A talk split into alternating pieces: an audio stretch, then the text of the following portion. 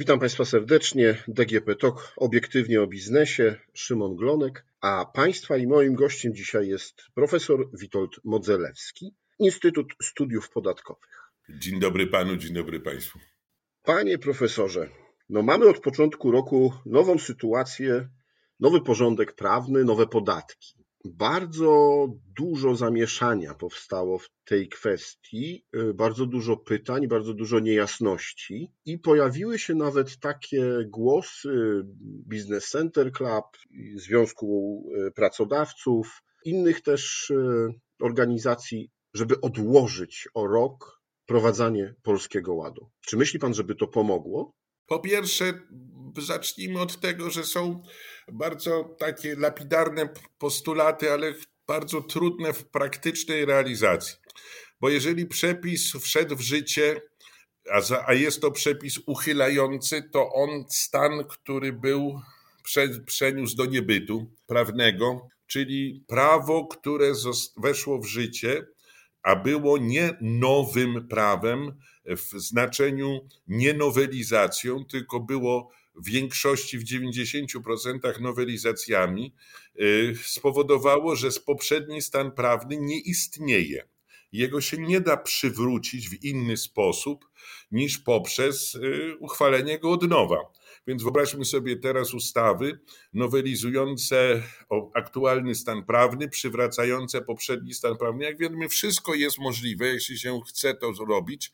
Natomiast obiektywnie rzecz biorąc, w większości, nie powiem, że w całości, ale w większości przypadków y, byłoby to zabiegiem y, po prostu bardzo trudnym, obiektywnie bardzo trudnym Stąd też y, może, może jakby nie krwawmy na tym froncie, mówiąc po prostu, bo można pewne rozwiązania, które mimo, że były zupełnie nowe, czyli nie wchodziły w pewną, nie wchodzi, wchodziły w pewną pustkę prawną, to je można przesunąć. I to są rzeczy możliwe, natomiast nie one budzą chyba największe spory. No tak, bo tutaj jakby ogrom wprowadzonych zmian w każdym obszarze, jeśli chodzi o y, podatki, y, jest tak duży, że no i przedsiębiorcy, i księgowi, ale też i urzędnicy w aparacie skarbowym mówią, że nie mamy, nie mieliśmy czasu przygotować się do tego, nie wiemy, jak stosować y, to prawo. To prawda, bo tylko ten argument wynika zupełnie z innego problemu. On wynika z problemu ilości zmian wprowadzonych w jednej chwili, i, i minimalnym okresem vacatio legis, który został y, pozostawiony wszystkim adresatom norm prawnych, które już obowiązują na podstawie tych przepisów. Stąd też ten zarzut jest oczywisty, no bo przecież od samego początku był formułowany, że tego e, e, nie skoncentrowano się na tych rzeczach najistotniejszych, które są rzeczywiście historyczne i bezprecedensowe, dotyczące podatku dochodowego od osób fizycznych, e, do, zwłaszcza w sferze obniżenia opodatkowania, nawet to nie za, najlepiej wyszło w sensie wykonawczym, od dochodów najniżej za, osób nisko zarabiających, o niskich dochodach. Natomiast oblepiono to taką jakąś niepotrzebną ilością takich różnych, w, w, nazwijmy to, wrzutek, które może każdą z nich można by było nawet y, racjonalnie ocenić, natomiast ilość spraw, które skoncentrowano w czasie, była no, obiektywnie rzecz biorąc niepotrzebnie tak duża, bo wiele tych rozwiązań można by było od, od, w momencie uchwalania odsunąć o pół roku, e, niektóre można by było odsunąć o rok, e, te zwłaszcza takie, które, no, które są nowością, której się trzeba uczyć od samego początku. Polski Ład to pierwsza taka tak duża zmiana w podatkach od czasów no, podatku VAT. Chyba jednak mniejsza. To znaczy, żebyśmy mieli świadomość, to są rzeczy nie do końca porównywalne, bo y, w zasadzie taką ostatnią datą no, taką pakietową takich zmian to był 1 maja 2004. Te, wtedy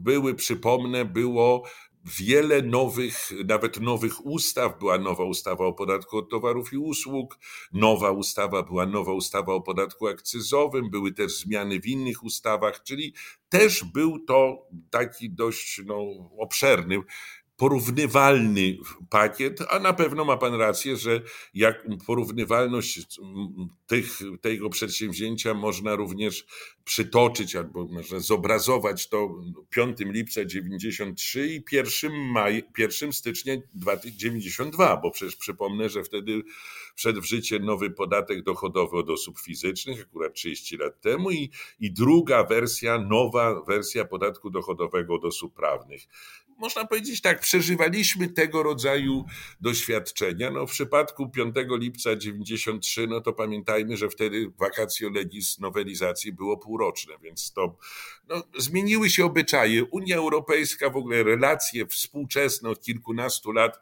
na vacatio legis nie zwraca się szczególnej uwagi. Szkoda, no ale mój Boże, do takiego świata już, w takim świecie już żyjemy. Panie profesorze, jakbyśmy tak teraz konkretnie już, jaki wpływ, jakie zmiany Polski Ład wprowadza w e, VAT-ie? No znaczy on wprowadza w sumie niewielkie, żeby nie było wątpliwości, y, do, do polskiego, znaczy nawet nieformalnie, ale faktycznie dołączono do tej nowej, do zmian, bo to było uchwalone w tym samym dniu 29 y, października, y, chociaż jest to w odrębnej ustawie, wprowadzono nowelizację związaną z tak zwanymi fakturami ustrukturyzowanymi, y, które są, znaczy, które nie sprawiają żadnego istotnego problemu praktycznego, bo są fakultatywne. I, zresztą y, prawdopodobieństwo, żeby jakaś większa liczba podmiotów zainteresowała się tym pomysłem jest równie niewielkie, więc, y, a jedyną zmianą taką, która no, na bardzo kontrowersyjną, którą bezpośrednio wprowadza E, Polski, ten, ta, ta, ustawa z 29, ta druga, ta, ta, którą nazywamy Polskim Ładem, to, jest ta, e, to są tak zwane grupy podatkowe, ale to jest też odroczone od 1 lipca do 1 lipca tego roku, więc to nie tu jest problem. Problem dotyczy podatku dochodowego, a zwłaszcza podatku dochodowego od osób fizycznych. To jest ten, nazwijmy, poligon doświadczalny, z którymi mamy obecnie do czynienia. To dobrze, że Pan o tym mówi, bo spotkałem się z kilkoma przedsiębiorcami, którzy mnie zapytali, ale też widziałem e, dyskusję w internecie po tym, jak zostało ogłoszone, że jeśli przechodzisz na tak zwany ryczałt, to nie masz żadnych kosztów i podniosły się głosy, ojejku, to ja jak to nie będę mógł VAT-u odliczać? Widać, że przedsiębiorcy mają kłopot z tym, że mieszają podatek dochodowy z podatkiem VAT. No, to trochę zaskakująca teza. E, podatek, jeżeli ryczałtowiec tak zwany jest podatnikiem, przypomnę, że ryczałt w tym kształcie, o którym mówimy, to powstał w 1993 roku. Pierwsza jego wersja była z 1 października 1993 Y, była wtedy uchwalona, jeszcze wtedy rozporządzeniem, potem to się stało odrębną ustawą, czyli podatek od, od tak zwany dochodowy zryczałtowany od przychodów ewidencjonowanych. Jeżeli ryczałtowiec jest podatnikiem VAT-u, czyli nie korzysta ze zwolnienia, ma wszystkie prawa podatnika VAT-u z tytułu podatku naliczonego, nie, tylko, nie wykazując w ewidencji kosztów uzyskania przychodów, to chyba nie, no nieporozumienie. Tu jedno z drugim nie ma nic wspólnego. Dobrze, to cieszę się, że to, y, to wyjaśniliśmy. Bezspornie, panie redaktorze. Bo pojawiły się, pojawiły się takie rzeczy. No dobrze, a jeśli chodzi o prowadzenie tych zmian, jeśli chodzi o ryczałt i zachęty dla po pierwsze pracowników w IT, ale też dla wielu wolnych zawodów, no to one niekoniecznie są związane z tym, żeby obniżyć podatki najniżej zarabiającym. Tu pan daje jeden, na pewno jeden z wielu przykładów pewnej wewnętrznej niekonsekwencji ideowej tego, tego przedsięwzięcia legislacyjnego. Bo to, co politycy przedstawili jako pewien program polityczny owej nowelizacji, dotyczyło właśnie odwrócenia tego, tego złego paradygmatu. My go nazywamy paradygmatem Balcerowicza, dlatego że on został wprowadzony przed 30 laty ustawą o podatku dochodowym od osób fizycznych. Ona była z 26 lipca 91, weszła 1 stycznia 92 i wtedy właśnie wprowadzono pierwszą wersję i w zasadzie realizowaną do dzisiaj w tej właśnie w tym paradygmacie podstawowym podatku dochodowego, y, którego istotą są relatywnie wysokie, względnie, czyli w relacji do przychodu opodatkowanie niskich dochodów, zwłaszcza dochodów z pracy oraz rent i emerytur oraz bardzo dużo łagodniejsze, a w zasadzie często nie, pozwalające na nieopodatkowanie wyższych dochodów, w tym nie tylko dochodów z, działa, no przede wszystkim dochodów z działalności gospodarczej. Całym syndromem tego, tego stanu, którym się, daj Boże, pożegnamy, pożegnaliśmy z 1 stycznia tego roku, była regresja opodatkowania. Czym wyższy dochód, tym niższy udział podatku kwoty zobowiązania w, w, przychodzie, ale także i w dochodzie podatnika.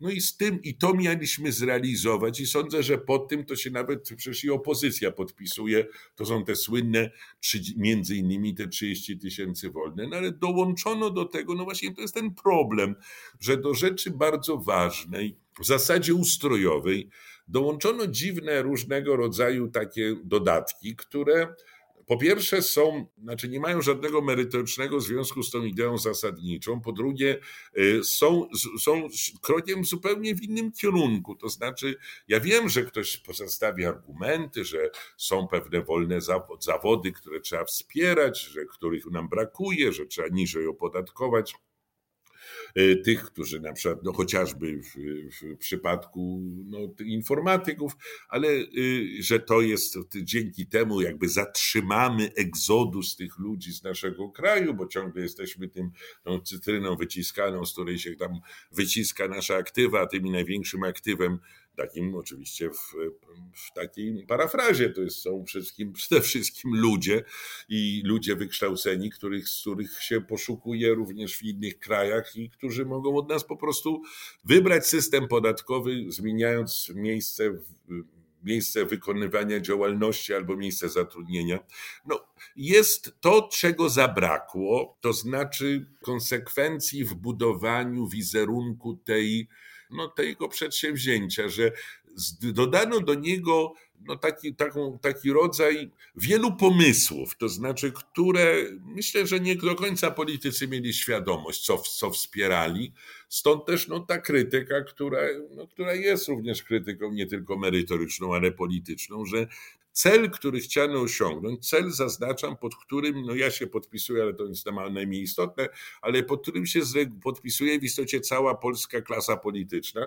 Ten cel został, jakby powiedzieć, częściowo, nie całkowicie, ale częściowo zatracony poprzez wewnętrzną, jakby sprzeczność koncepcyjną tych rozwiązań, między innymi ten przykład, o którym pan teraz powiedział. Mimo racjonalności posunięć, znaczy swoistej, czyli takiej punktowej racjonalności, którą tutaj można przecież dla uzasadnienia tych działań przedstawić.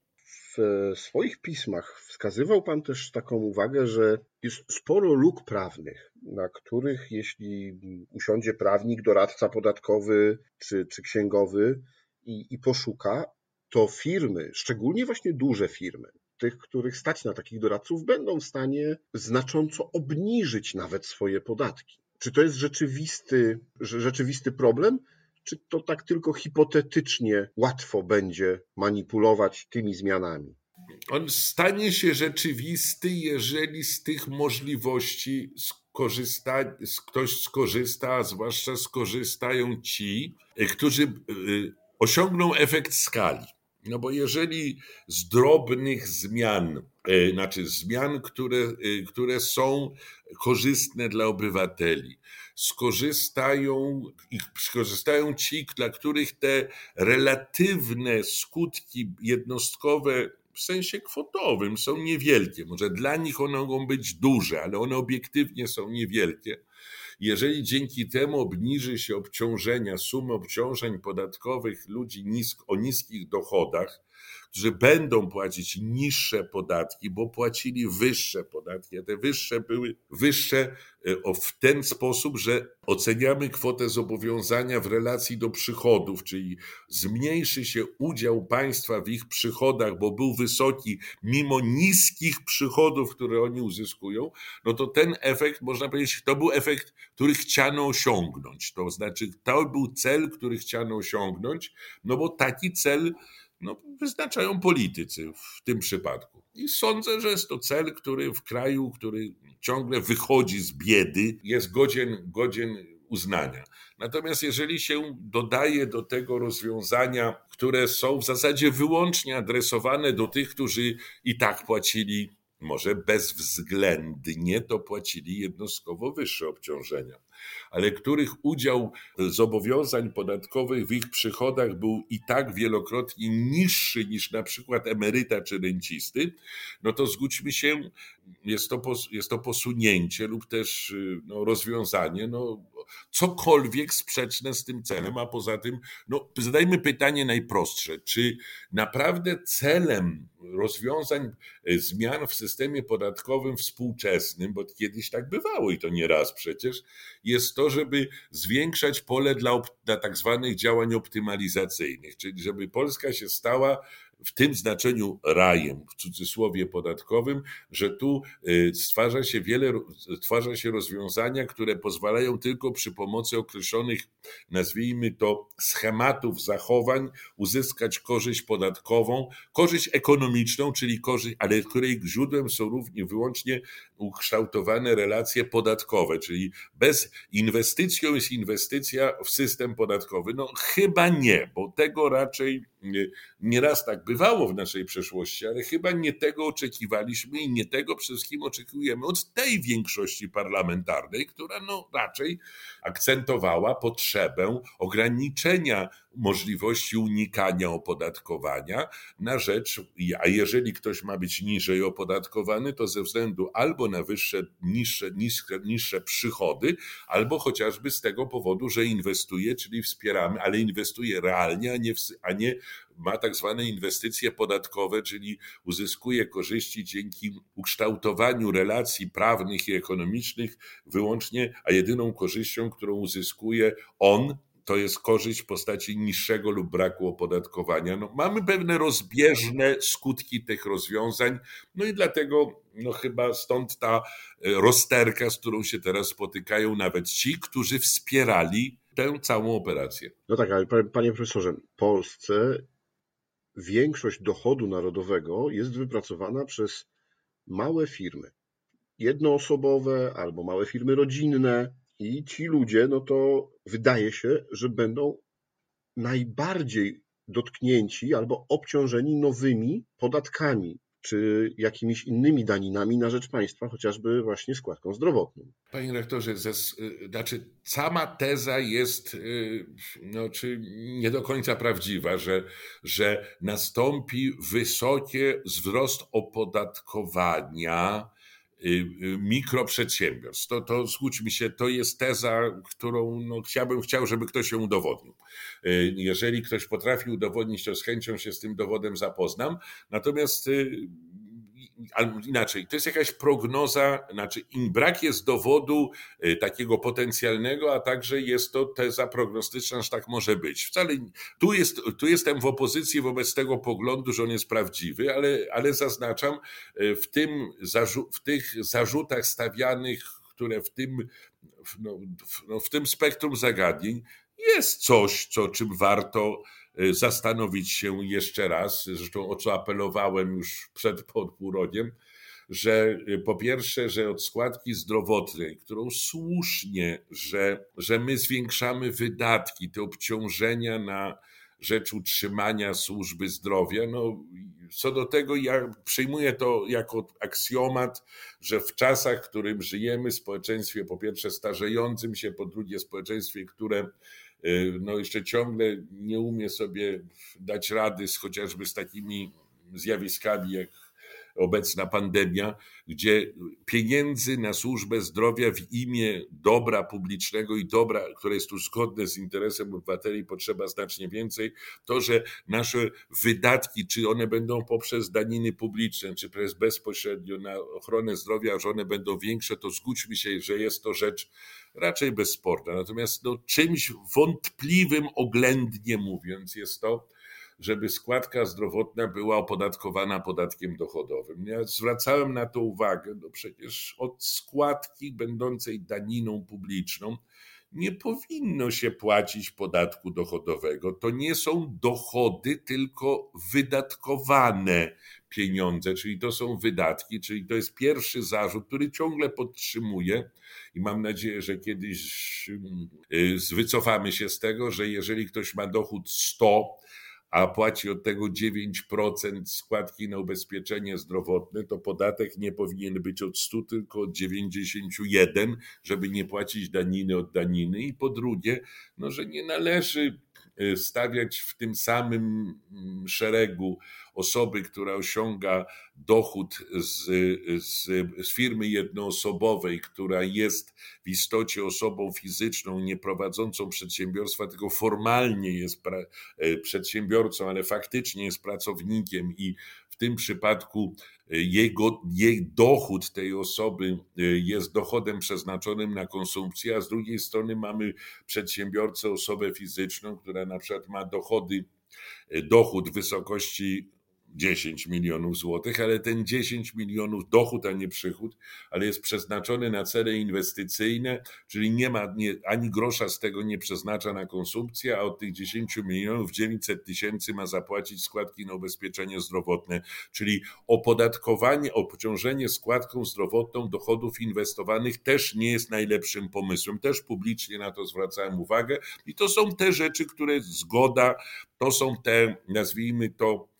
koncepcyjne nie, no, niekonsekwencja, a nawet w tym przypadku błędy, z których się powinniśmy wycofać i ciągle mam nadzieję, że ten głos na puszczy, który tutaj reprezentuję, który jest czytelny dla każdego przedsiębiorcy, jest, y, będzie kiedyś wysłuchany, czyli no, jest tu jeszcze sporo do poprawienia. No dobrze, to mam nadzieję, że ktoś w Ministerstwie Finansów, kto przygotowuje nowelizację, słyszy naszą rozmowę, usłyszy i i może weźmie pod uwagę, ale też i Pana inne wypowiedzi.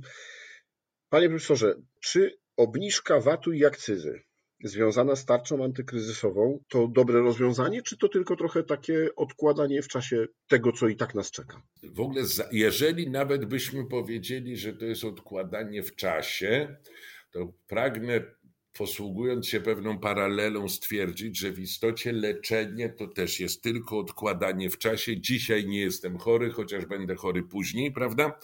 Czyli większość naszych działań, również nie tylko w sferze ekonomicznej, polega na tym, że y, likwidujemy objawy złych chorób, które nas y, które nas mogą trawić. Jak wiadomo, jeżeli jest takie nowe pojęcie warte do uwypuklenia, które wprowadzono od niedawna, chory bezobjawowy. Kiedyś chorym bezob, chorym, chory bezobjawowy był definiowany jako człowiek zdrowy. Teraz wprowadzono pod pojęcie chory bezobjawowy, który nie wiadomo co z nim robić, chociaż jest ponoć chory, ale jest, nie ma żadnych objawów. Jeżeli nam się, o, o, inflacja to są pewne objawy. Ona ma źródło i ma pewne objawy. Co nas interesuje? Objawy tej inflacji. Jeżeli nam się uda przy pomocy radykalnych posunięć, czyli zmniejszenia, w zasadzie wyzerowania udziału państwa w cenach wyrobów, y, Podatki pośrednie, takie jak VAT i akcyza, to jest udział państwa w wartości towaru lub usługi. Y, jeżeli towar jest obciążony 20, y, stawką 23%, to znaczy 23 123 tej ceny to jest kwota, którą bierze na tym rękę kładzie państwo. Jeżeli chcemy, żeby koszty, wzrost kosztów, który jest źródłem tej tak zwanej inflacji kosztowej, został z, z, ograniczyć wpływ tej inflacji kosztowej na ceny wyrobów finalnych, no to można to zrobić, bo to, że będą chcieli przerzucić ten ciężar sprzedawcy na swoich nabywców jest rzeczą oczywistą, Jeżeli chcemy, żeby to przerzucenie było, czyli efekt inflacyjny, efekt cenowy inflacji kosztowej był mniejszy, to możemy zmniejszyć udział państwa i państwo mówi tak, w twojej cenie już nie będzie, cena zostaje ta sama, ale cena jest, udział państwa spadł o 23, 123 ceny i pokryj sobie wzrost kosztów tą marżą, którą ci dodatkowo daliśmy. Jeżeli ten efekt osiągniemy, to znaczy osiągniemy, osiągniemy cel, który chcemy osiągnąć. Celem jest obniżenie dynamiki cen, czyli inflacji miesiąc do miesiąca. Jeżeli to się nam uda obniżyć, to znaczy, że osiągniemy cel, który chcemy osiągnąć. No tak, ale obniżamy te podatki czasowo ale wszystko się osiąga, panie redaktorze, czasowo, bo ten y, inflacja, dyna, inflacja kosztowa, jeżeli idzie w parze z oczekiwaniami inflacyjnymi, czyli wszyscy jesteśmy albo większość z nas przekonani, że i tak będzie drożej, y, powoduje, że te dwie postawy się wzajemnie napędzają. Nasza, nasze oczekiwania, wysokie oczekiwania inflacyjne y, powodują, że akceptujemy inflację, a zarazem otwieramy szerzej, no, no, szeroko drzwi dla tych, którzy będą chcieli na nas przerzucić ciężar, nie tylko ciężar, cięż, wzrost kosztów, który jest od nich niezależny, ale nawet będą mogli chcieć, bo też nikt tego zabronić nie można, zarobić na inflacji. W związku z tym, jeżeli obniżymy tą inflację miesiąc do miesiąca i tym samym obniżymy obniżymy przez okres, w którym będziemy stosować te rozwiązania, oczekiwania inflacyjne, to możemy w tym roku nie dojść do inflacji dwuprocentowej, bo już się niektórym to udało, w, nawet w strefie euro, tylko zahamować ją ten przyrost na poziomie poniżej 10%. Jeżeli nam się uda ukształtować to na poziomie 8 rok do roku, to jest oczywiście nie do końca obiektywne, bo pierwsze półrocze było zeszłego roku inne niż drugie półrocze, to są tam efekty statystyczne, ale mówimy w końcu o miernikach statystycznych. I w tym momencie rząd musi wykazać się stanowczością, działania muszą być skoncentrowane i, i, bar, i bardzo czytelne dla kogo, dla adresatów, do których są skierowane. I innych instrumentów teraz w ręku nie mamy, które by mogły wywołać taki efekt, i trzeba do nich sięgnąć, i mają one szansę Y, obniżyć zarówno tą realnie liczoną y, stopę tempo wzrostu inflacji miesiąc do miesiąca, ale wszystkim ograniczyć nasze oczekiwania inflacyjne, a jeśli jeszcze będziemy mieli dodatkowe czynniki sprzyjające, a nie bardzo je mamy, ale miejmy Boże, nie możemy mieć. Mamy ponad 80 dolarów za baryłkę, najwyższą cenę ropy od 8 lat. Mamy rekordowe wzrosty, nieznane w historii wzrostu cen gazu ziemnego. Jeżeli te tendencje będą na nas, dla nas tak jak niesprzyjające były na jesieni, jeżeli będą dalej niesprzyjające, efekt tych działań inflacyjnych będzie mniejszy. Jeżeli te działania będą sprzyjające, to efekt będzie, to ten obniżenie owych oczekiwań inflacyjnych będzie, będzie obniżenie będzie będzie czymś, będzie naszym sukcesem. Czy to jest trudna gra? No, zgódź mi się, jeśli ktoś lubi nagrodę pocieszenia, to mogę tylko powiedzieć. Inne państwa e, też sobie średnio z tym radzą. My spróbujmy e, zastosować tak zwane instrumenty polityki fiskalnej. To są te instrumenty polityki fiskalnej. Miejmy nadzieję, że się je uda wdrożyć. Rozpoczął Pan od tego, że inflacja ma swoje źródło. Jakie Pana zdaniem to jest źródło? Bo wielu ekonomistów podaje te źródła w różnych miejscach. Bo jest ich sporo. To znaczy, yy, staram się, zajmuję się problematyką inflacji. Moje debiuty to są koniec, to są 70 lata, wtedy zacząłem się zajmować, a przypomnę, że wtedy to była klasyczna inflacja kosztowa, bo to była rewolucja cenowa cen ropy naftowej i tu są pewne podobieństwa przy czym tu nie ropa jest obecnie najważniejszym, y, najważniejszym tym czyn, graczem, tylko jest gaz ziemny, ale wtedy, ale wtedy znowuż gaz ziemny nie był tak istotny jak teraz, jak, te, jak jest teraz. Mamy, mamy trzy czynniki, które są, zbiegły się w czasie. Pierwszy to jest oczywiście pieniężny, to znaczy ta, ten nawis emisyjny, który związany był z no, tymi tak zwanymi tarczami, no, żeby uratować przetrwanie, zapewnić przetrwanie firm, które inaczej by zbankrutowały, żeby uratować nas przed masowym bezrobociem, trzeba było no, z tego przysłowiowego z helikoptera sypać pieniądze i te, i to, i to już po pierwsze nieważne, to już się zrobiło, osiągnięto ten efekt, który chciano osiągnąć, czyli nie, ma, nie było masowych bankructw, nie było wzrostu bezrobocia, pamiętamy, straszono nas dwoma milionami bezrobotnych, i, ale te pieniądze wróciły wróciły, już wróciły i wracały na rynek w roku 2021 i one musiały spowodować efekt pieniężny, popytowy wzrostu inflacji, bo trzeba było wydać pieniądze tarczowe do końca pewnego miesiąca, nawet były kłopoty z ich wydaniem, w pewnym momencie brakowało nawet pewnych towarów, bo, bo było nawis pieniędzy, które trzeba było wydać i płacono każdą cenę, byleby tylko te pieniądze wydać, bo trzeba było, było czas. I to się zdarzyło. I te pieniądze musiały spowodować w połowie i od drugiej połowy 2021 roku wzrost inflacji popyt, tej, gdzie, gdzie źródłem była popyt.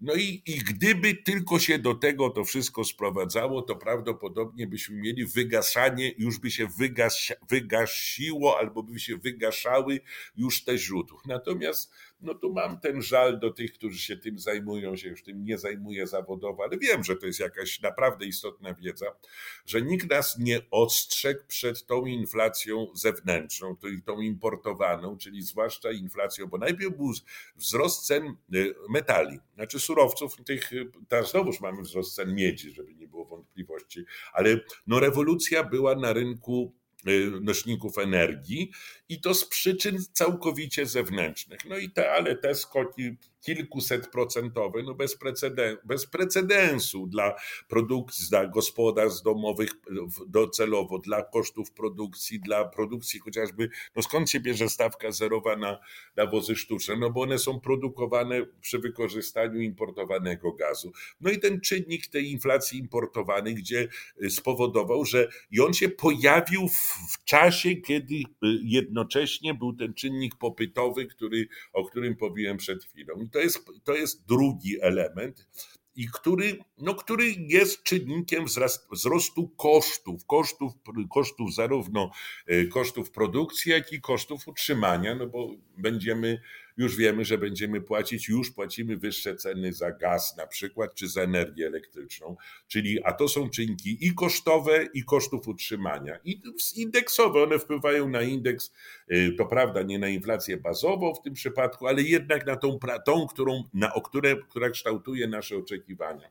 Natomiast jeszcze jest trzeci czynnik, bez sensu kompletnie. My żyjemy w jakimś świecie, nie wiem, który uważam za na granicy paranoi. Ciągle jakaś jest, jesteśmy zarzucani jakimiś strachami, jakieś wojny tu mają być. Ja już tak od sześciu lat słyszę, że jakaś wojna z Rosją, że jesteśmy w ogóle w stanie wojny z Rosją, że tu jakieś lądowania mają być. No, to w ogóle no, ludzie, którzy mówią, wie pan, jak mówią do mnie przedsiębiorcy, wie pan, ja już żyjemy w świecie schizofrenii. Gdybym ja wierzył w te wszystkie, te całe gadulstwo o tych wojnach hybrydowych, które się z nami toczą, to powinienem natychmiast wyprzedać swój majątek i stąd uciekać. Jak widać niekoniecznie, bo ludzie nawet kupują nieruchomości, a w państwie zagrożonym wojną nie kupuje się nieruchomości i ich ceny nie rosną. Ale przecież nie sposób odrzucić tezy, że ta cała ta, nazwijmy to, psychoza sterowana, bo przecież my w to nie wierzymy, no ale to jest bez przerwy. Jesteśmy ciągle wojna, wojna, cały czas jest wojna. No, w państwie, które jest w stanie wojny, nie inwestuje się, prawda?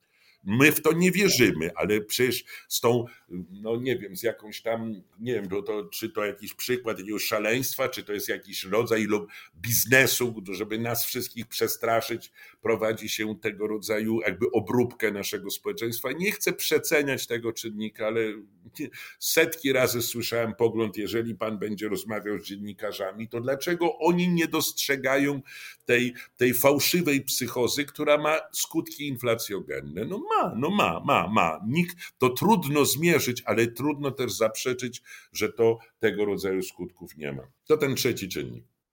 Czyli takie trzy źródła. No dobrze, panie profesorze, na koniec.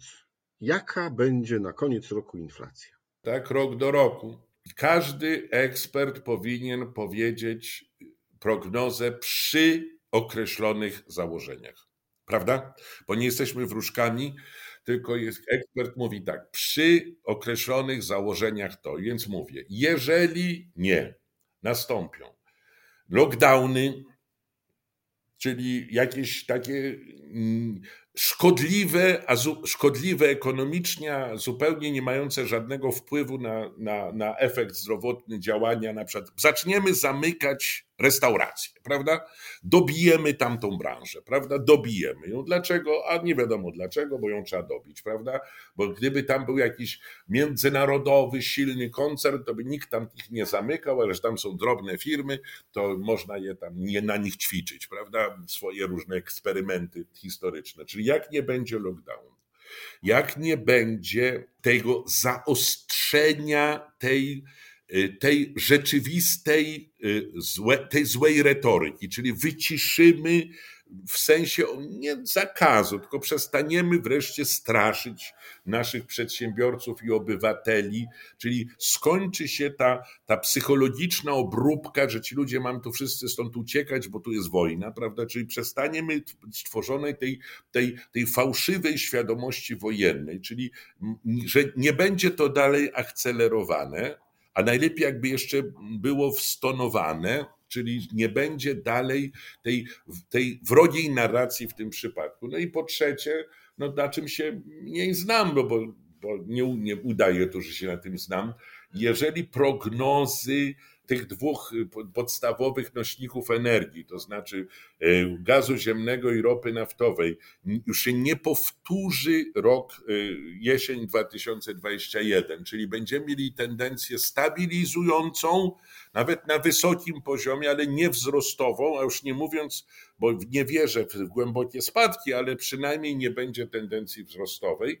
I te działania, czwarte i ostatnie założenie, te działania o TTT lutowe będą e, przeprowadzone w ten sposób, że osiągną ten, ten efekt punktowy tych kilku miesięcy z zahamowania Y, przerzucania wzrostu kosztów na konsumentów, to my mamy szansę utrzymać się rok do roku. To jest oczywiście statystyka i mogę wytłumaczyć, dlaczego ten efekt statystyczny, bo to są wskaźniki statystyczne, czyli efekt statystyczny możemy się, y, możemy się utrzymać na poziomie poniżej dwucyfrowej inflacji, czyli możemy zachować, no, osiągnąć efekt między tych 7, 7 i 9, a, a 9 i 1. To są większej mądrości, zaznaczam, lepszych mierników nie mamy, czyli poniżej dwucyfrowej inflacji, a w zasadzie w wariancie takim nazwijmy to sprzyjającym to jest tam poniżej 8, a w wariancie takim mniej sprzyjającym w tych przy tych czterech warunkach za, za